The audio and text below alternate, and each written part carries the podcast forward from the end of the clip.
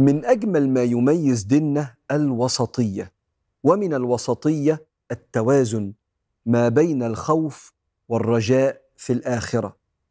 فلا يغلبك الخوف لدرجة اليأس وكأنك على يقين إن بكرة في القيامة ربك هيكون غضبان من كتر المعاصي والسيئات اللي أحصاها علينا بدقة وأكيد هينتقم.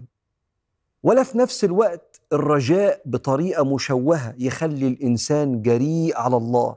لأن ربك رحيم ورب قلوب وبكرة هيسامح الجميع. الأولى كان هذا الرجاء يجعل الإنسان عنده حياء يسارع به في خدمة الخلق وطاعة الرب.